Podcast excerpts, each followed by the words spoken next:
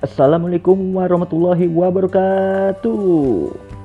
Kembali lagi bersama akun channel podcast kita tercinta yaitu Oasis. Obrolan asik santai dan inspiratif. Baiklah, kali ini kita akan memasuki episode sudut Oasis yang keempat. Pada sudut Oasis yang keempat ini Sekaligus mau perkenalkan webinar Oasis yang pertama. Penasaran kan? Oke, baiklah webinar OSIS yang pertama ini akan diisi oleh pemateri yang kece loh. Mau tahu kan? Baiklah. Sebelum kita memanggil pemateri yang pertama kita ini, pemateri kita yang pertama ini akan Duta Genre Provinsi Jambi Jalur Masyarakat tahun 2018. Sudah penasaran kan? Baiklah.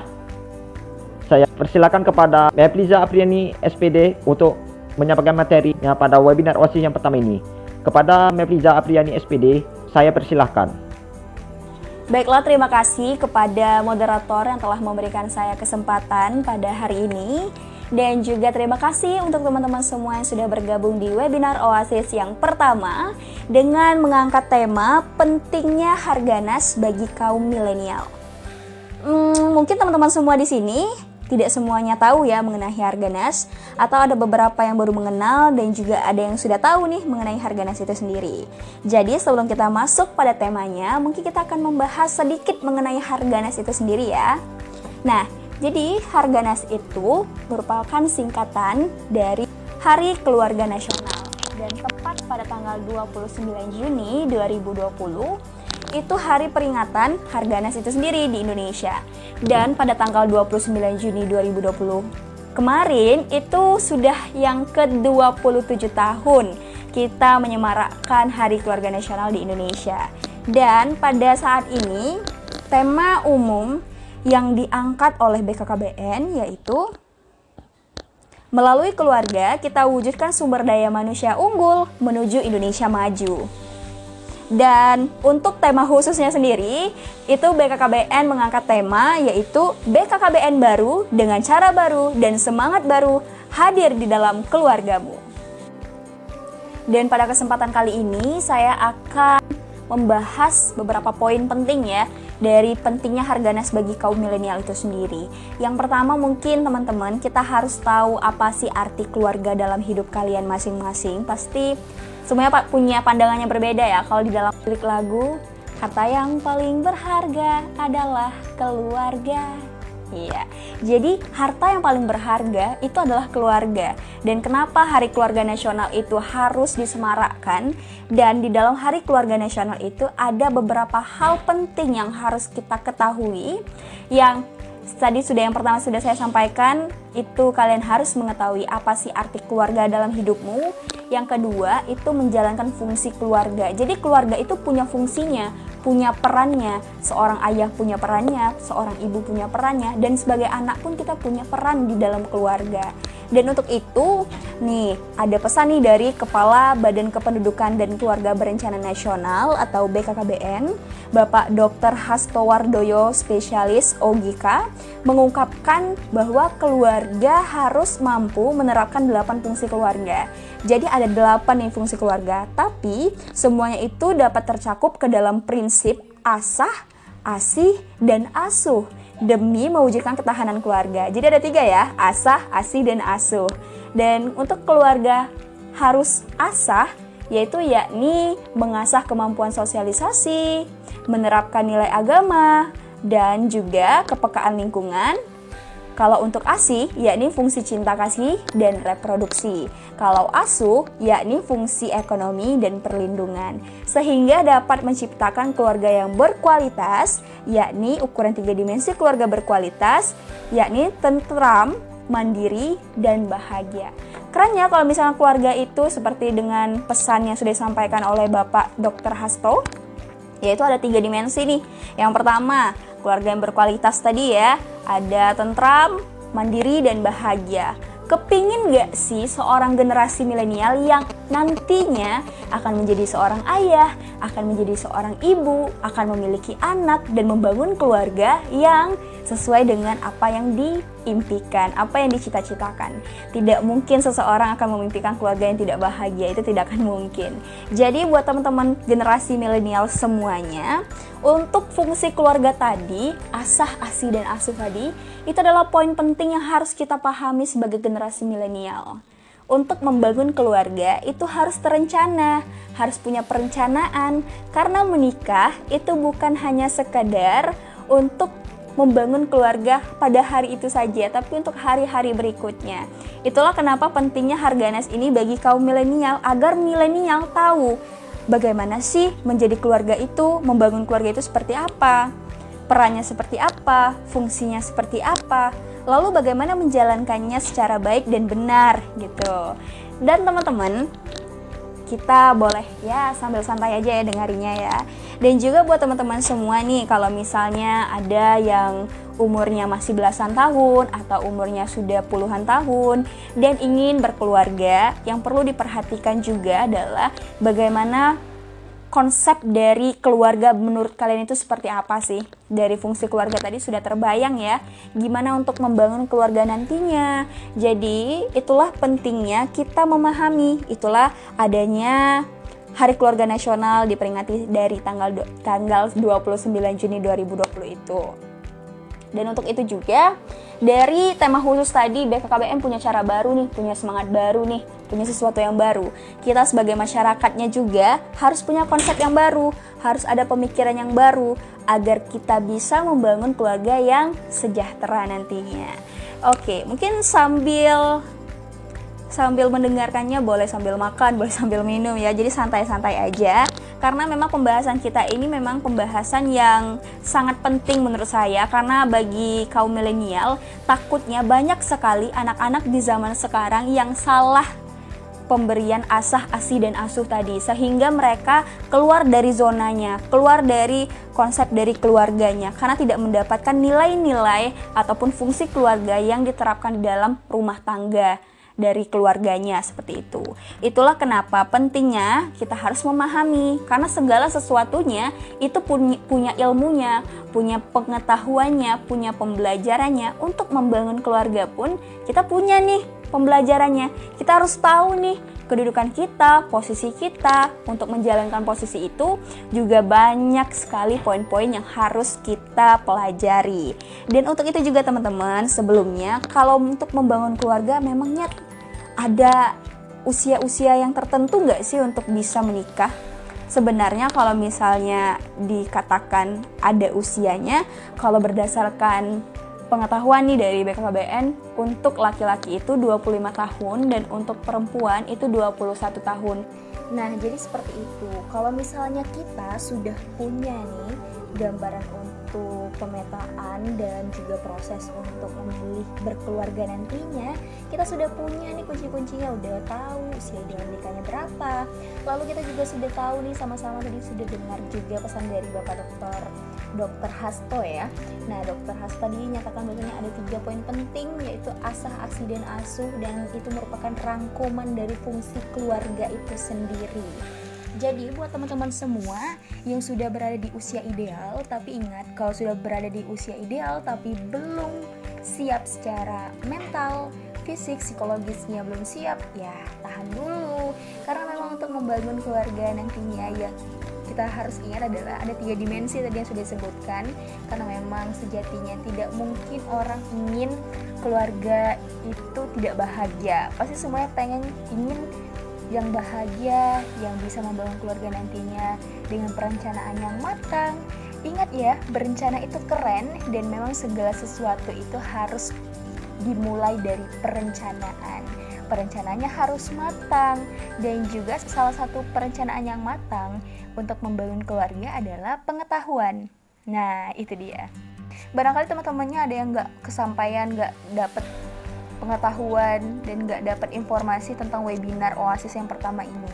Jadi kalian boleh banget untuk share ke teman-temannya karena ini memang salah satu tugas kita sebagai remaja yang memberikan pengetahuan kepada remaja lainnya agar sama-sama nih kita bangun keluarga nantinya yang baik. yang bagus, yang sesuai dengan tiga dimensi yang luar biasa tadi untuk membangun keluarga tadi ya.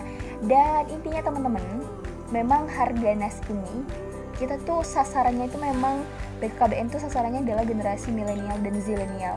Karena fokus kita ke generasi milenial dan nantinya generasi milenial ini akan mewarisi akan membangun keluarga. Nah itulah pentingnya kenapa kaum milenial ini harus tahu dan harus paham Harganas itu seperti apa.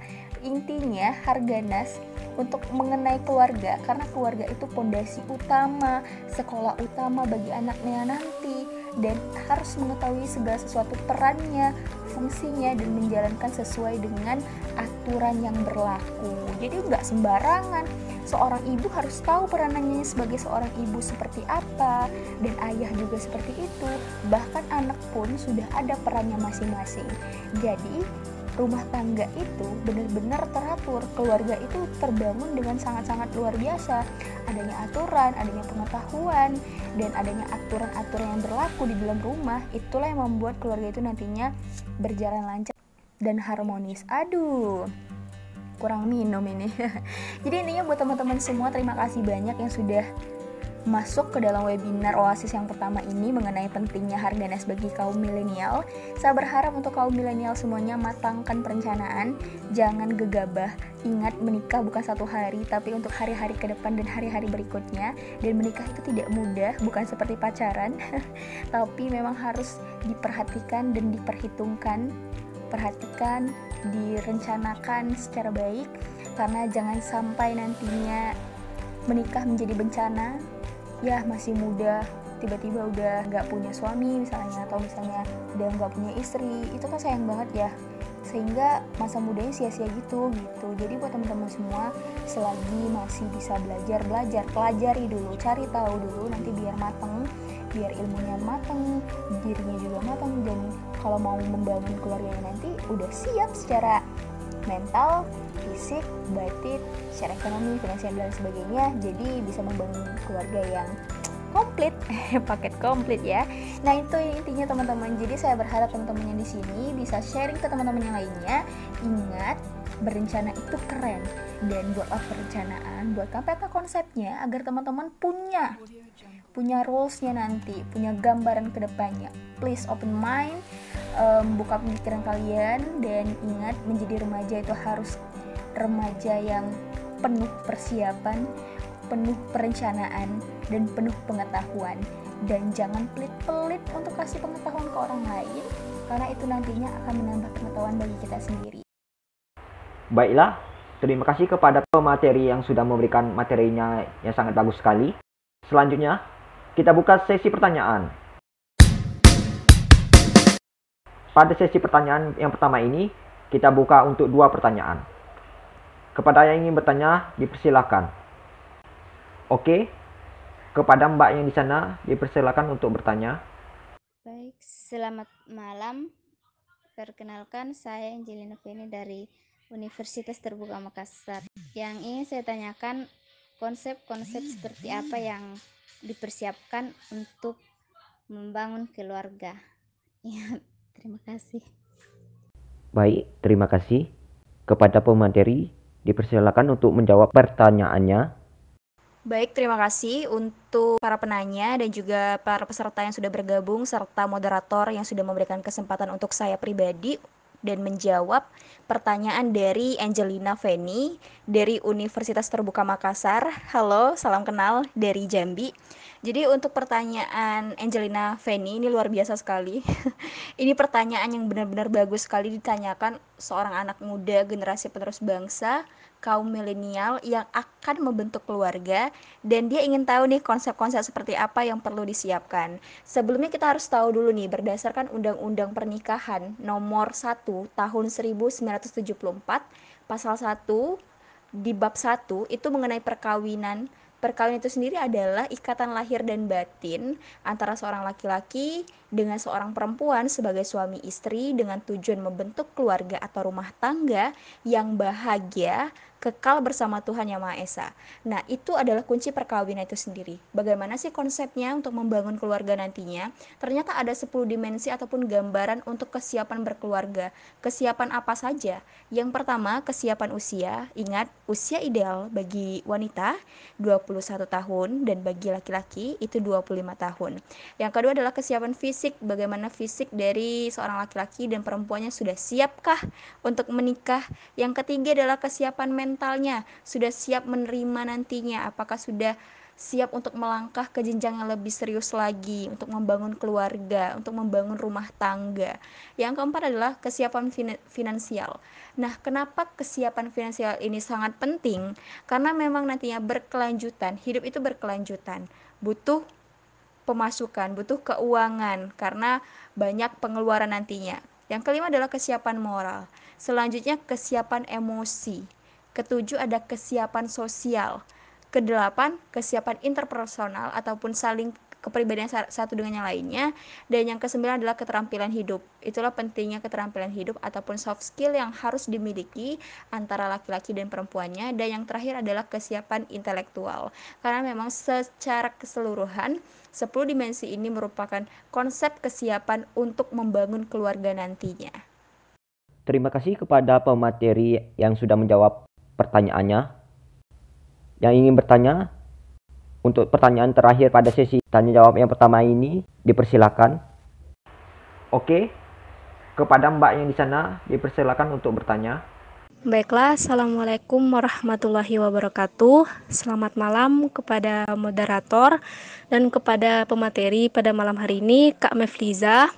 Dan terima kasih juga kepada moderator yang telah memberikan kesempatan kepada saya untuk bertanya. Di sini pertanyaannya adalah bagaimana konsep keluarga itu sendiri eh, agar terciptanya suatu keluarga yang harmonis dilihat dari faktor ekonomi. Mungkin itu pertanyaan dari saya. Kurang lebihnya saya mau maaf. Akhir kata, wassalamualaikum warahmatullahi wabarakatuh. Terima kasih. Baik, terima kasih kepada pemateri Dipersilakan untuk menjawab pertanyaannya. Baik, terima kasih untuk Mona Lisa. Mona Lisa dari Universitas Dharma Indonesia ya. Salam kenal juga dari Jambi. Dan terima kasih juga untuk moderator atas kesempatannya saya menjawab pertanyaan kedua pada sesi pertama malam hari ini di webinar Oasis yang pertama. Nah, jadi konsep ini hampir sama ya seperti yang tadi pertanyaannya saling berpautan tapi kembali kepada fungsi ekonomi. Dan kalau kita berbicara tentang ekonomi, dari fungsi keluarga itu sendiri sebenarnya kalau ekonomi ini dia mengandung nilai-nilai moral. Nah, salah satunya itu adalah hemat, ketelitian, dan juga disiplin, kepedulian, dan keuletan. Itu nilai moral yang terkandung di dalam fungsi fungsi keluarga pada bidang ekonomi, pada bagian ekonomi. Nah, hemat di sini seperti apa? Kita tuh mengajarkan anak untuk bisa menyisihkan uangnya, untuk menabung.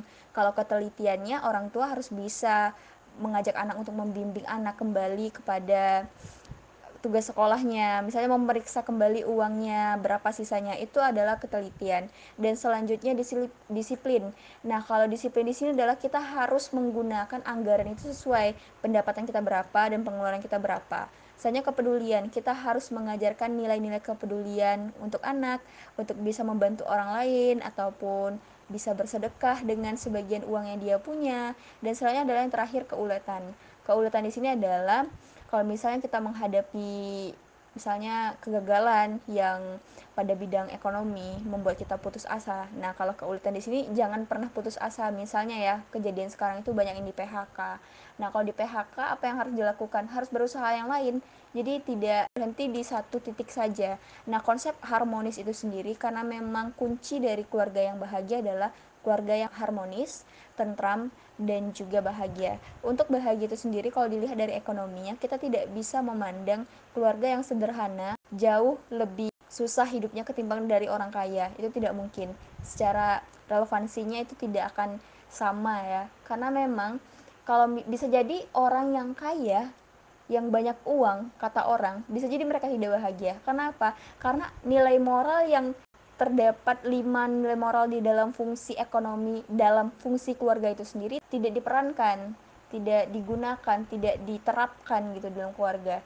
Apabila di keluarga yang sederhana dengan pendapatan yang seberapa adanya tapi pas-pasan namun mereka menggunakan fungsi atau nilai moral yang terdapat dalam fungsi ekonomi di fungsi keluarga itu jauh lebih harmonis. Jadi menurut saya pandangannya terlihat dari nilai moral tadi, bagaimana penanamannya, penerapannya di dalam keluarga itu sendiri. Maka akan terbentuklah keluarga yang harmonis yang dilihat dari fungsi ekonominya.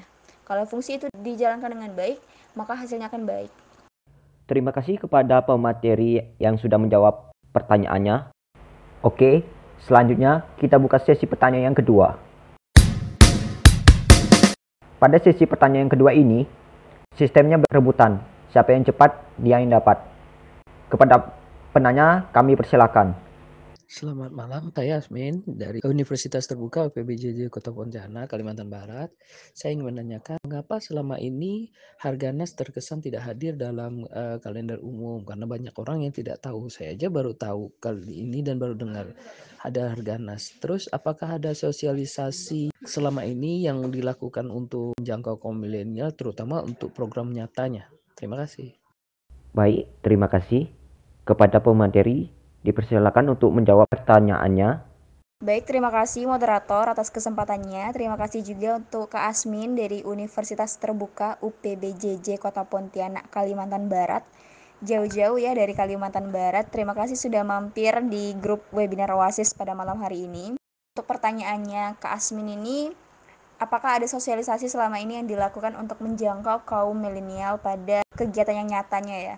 Nah, kalau untuk di Jambi sendiri, para duta genre itu sudah melakukan sosialisasi bisa ke masyarakat dan juga ke sekolah-sekolah. Dan itu memang diberikan pengetahuan mengenai harga nas dan juga pengetahuan-pengetahuan lainnya yang perlu diketahui oleh remaja untuk menjangkau remaja itu sendiri. Karena memang adanya program Duta Genre itu untuk menyebarluaskan pengetahuan tentang kegenrean ataupun generasi berencana itu kepada masyarakat luas bahkan bukan hanya kepada generasi milenial saja tapi untuk seluruh masyarakat dan mengenai kenapa banyak orang yang tidak tahu karena memang semaraknya itu bukan pada harga nasnya.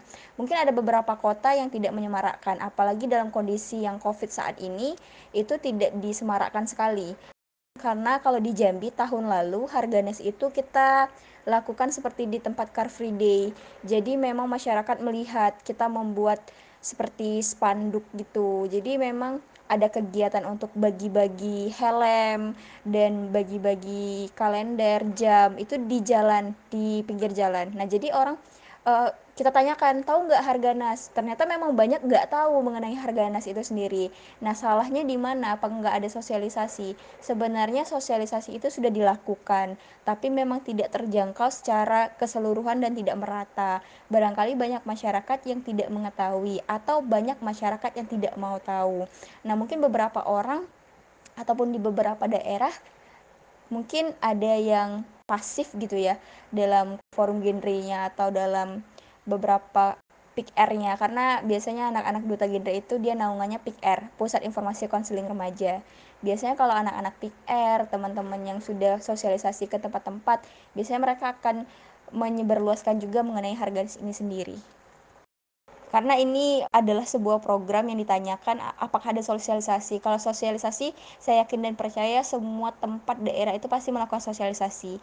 Tapi kembali lagi, canangannya ataupun program yang disosialisasikan itu pasti beda-beda. Karena banyak sekali sih program-program yang ada di genre itu sendiri ataupun generasi berencana mulai dari tadi ya ada yang dimensi kesiapan keluarga, pendewasaan usia perkawinan, fungsi keluarga dan banyak sekali.